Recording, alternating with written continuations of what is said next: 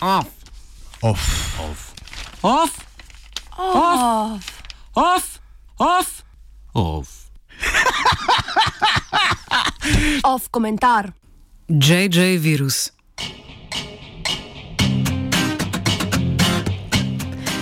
Te dni po soseščini hodi pošast. Pošast, ki sliši na ime koronavirus. Ljudi je zajela apokaliptična panika, kot da se bo vsak čas pričel začetek konca naših bolj ali manj udobnih življenj. Kljub dejstvu, da strokovna javnost z Nacionalnim inštitutom za javno zdravje in z Ministrstvom za zdravje na čelu miri ljudske množice, se epidemija strahu širi. Določeni mediji pa kar tekmujejo, kdo bo prvi poročal o otvoritvenem primeru novega zlobnega virusa na slovenski zemlji. Epidemija strahu pred koronavirusom pa je žal nekoliko zasenčila pomembnejšo epidemijo, ki bi morala udariti. Epidemijo panike pred zelo verjetno novo, še tretjo vlado Jane Zajanše.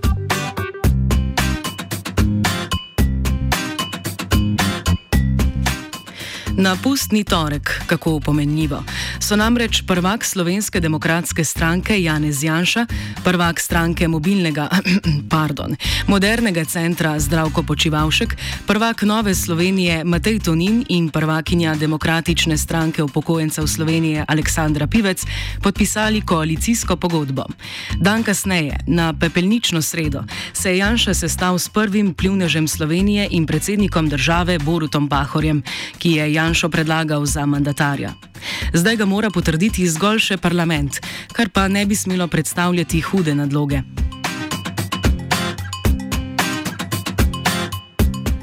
Največjo vlogo v prihajajoči koaliciji bo seveda imela Janševa SDS, sledi ji NSI.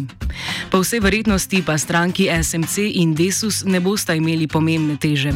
Na nek način bosta namreč talki SDS-a. V primeru predčasnih volitev jima grozi izpad iz parlamenta, medtem ko se SDS in NSI obeta vnovična izvolitev, v primeru prve pa verjetno tudi zmaga. Že samo sodelovanje v Janševi koaliciji je preračunljivost na temelju karierizma in temelju želje po ohranitvi poslanskih in ministerskih mest.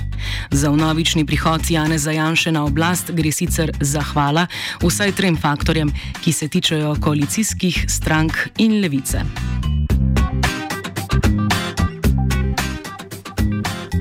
Prvič, vlada pod vodstvom Marjana Šarca je bila krhka. Premijer je namreč krotil prvo manjšinsko vlado v slovenski politični zgodovini. Poleg novejše stranke LMŠ so jo so je tvorili še SMC, stranka Alinke Bratušek, Desus, socialni demokrati in spočetka še pogodbena partnerica Levica. Več kot očitno je bila ena izmed težav tudi pomankanje komunikacije med deležniki v vladi. Tudi za Šarčev odstop so koalicijski partnerji izvedeli prek medijev.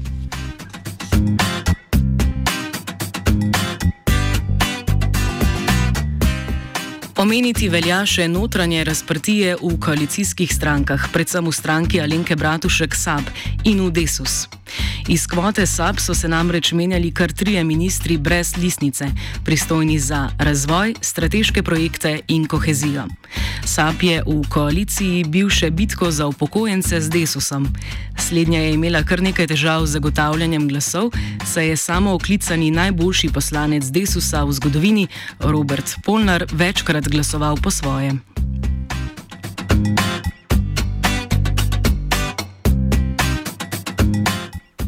Drugič, Marjan Šarec je otročje naivno verjel, da se bodo stranke držale svoje antijanšistične forme.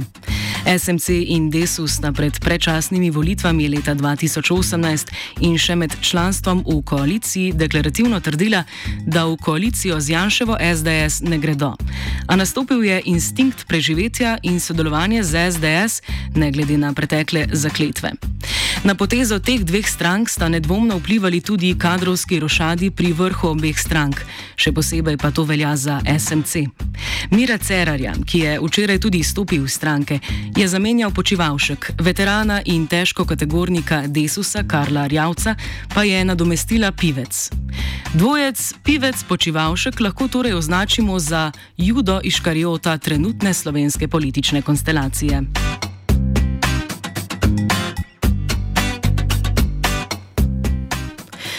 Sodelovanje krščanskih demokratov v, Janšeni, v Janševi vladi je, vsaj kar se tiče ideološke usmerjenosti, manj presenetljivo. Pozabiti moramo zgolj na dejstvi, da se ima Toninova Nova Slovenija za sredinsko in da so si z SDS veliko krat v laseh, tudi na ravni Evropske ljudske stranke, kjer zasedata različni poziciji, kar je bilo najbolj uvidno pri vprašanju članstva mađarskega Fideza v EPP.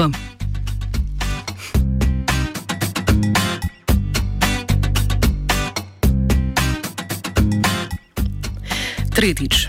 Ne moremo spregledati vsaj delne odgovornosti stranke Levica.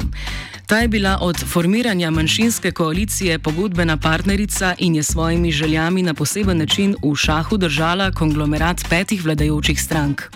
Namesto da bi zasedla vlogo v levo-sredinski koaliciji in prevzela resorje, na katere se v političnem delovanju najbolj osredotoča, da nima ministrstvo za delo, se za tako potezo vrh stranke, verjetno zaradi manjka kadrov, ni odločil. Ker pa koalicija ni upoštevala njihovih predlogov, se je pot njihovega projektnega sodelovanja končala. Šarec pa v izteku mandata tako ali tako ni imel težav z iskanjem podpore pri slovenski nacionalni stranki.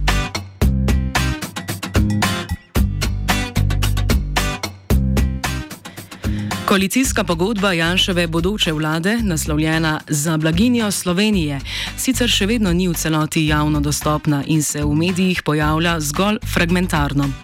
Ukrepi so predstavljeni splošno in pregledno, večina celo všečno, da nimo gradnja najemniških stanovanj za družine, gradnja domov za ostarele, pohitritev birokratskih postopkov in zvišanje poprečnine v občinam. V oči po drugi strani najbolj bode želja po ponovni uvedbi vojaškega roka in očitno antisocialna stališča v obliki poostrenega nadzora nad prejemniki socialne pomoči in vključevanjem letih v javna dela po mačarskem vzoru. A koalicijske pogodbe so vedno napisane všečno, zato tudi tokratne, ali bolje, zato še posebno tokratne, ne gre precenjevati.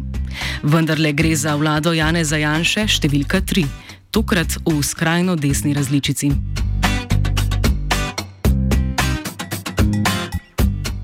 Tako ali drugače, Janša nedvomno predstavlja negativno spremembo za Slovenijo. Če bo kot premijer deloval na podobnih obratih kot na funkciji predsednika stranke, lahko pričakujemo avtoritarnejše upravljanje vlade. Od leta 2013, ko je Janša zadnjič vodil vlado, se je SDS sicer radikalizirala. Slovenska demokratska stranka je v preteklosti prehodila pot od socialdemokratske prek desno-sredinske vse do skrajno desne politične doktrine, pač skladno s trenutnim Janševim političnim mišljenjem in prepričanjem. V zadnjih letih so strahovi in paranoje SDS-a še toliko bolj prisotni zaradi dela njihovih medijev. Z Janševo vlado tako na Nova 24 TV dobivamo prvo pravo režimsko televizijo. Ali se bo s tem spremenila tudi uredniška politika, bo jasno kaj k malu.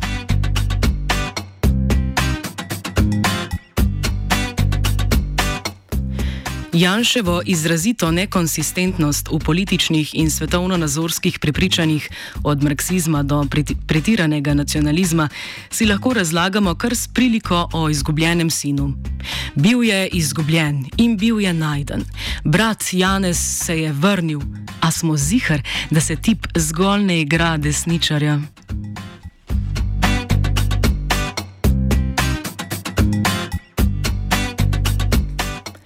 Na političnem zemljevidu Evropske unije bo Slovenija z SDS-om, tako na čelu vlade, kot tudi na čelu Ministrstva za zunanje zadeve, krajše MZZ, postavljena ob bok skrajno konzervativnima vladama Mačarske in Polske.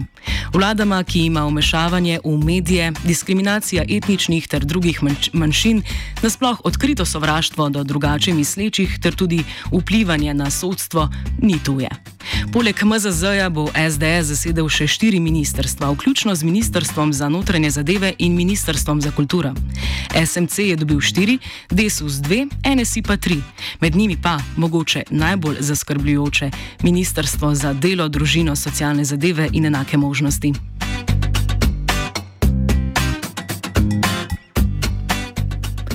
A vendarle Janez Janša vsaj v začetku svoje tretje vladavine z reformami ne bo prehiteval in pretiraval. Njegov prvenstveni cilj je namreč korektno in uspešno izpeljati predsedovanje Evropske unije, ki se ima zgoditi v drugi polovici leta 2021.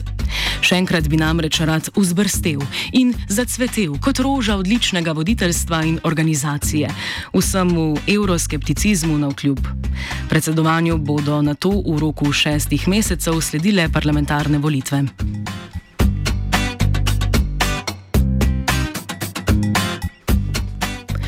Najprej pa ga čaka spopad s koronavirusom, seveda, če epidemija od njegove uradne zasedbe položaja ne mine. Koronavirus COVID-19 bo torej na slovenski grudi, podobno kot trume imigrantov, poskušal za slovenski narod zaeziti koronavirus slovenske politike, čigar epidemija traja že več kot 30 let. Janez Janša, SDS.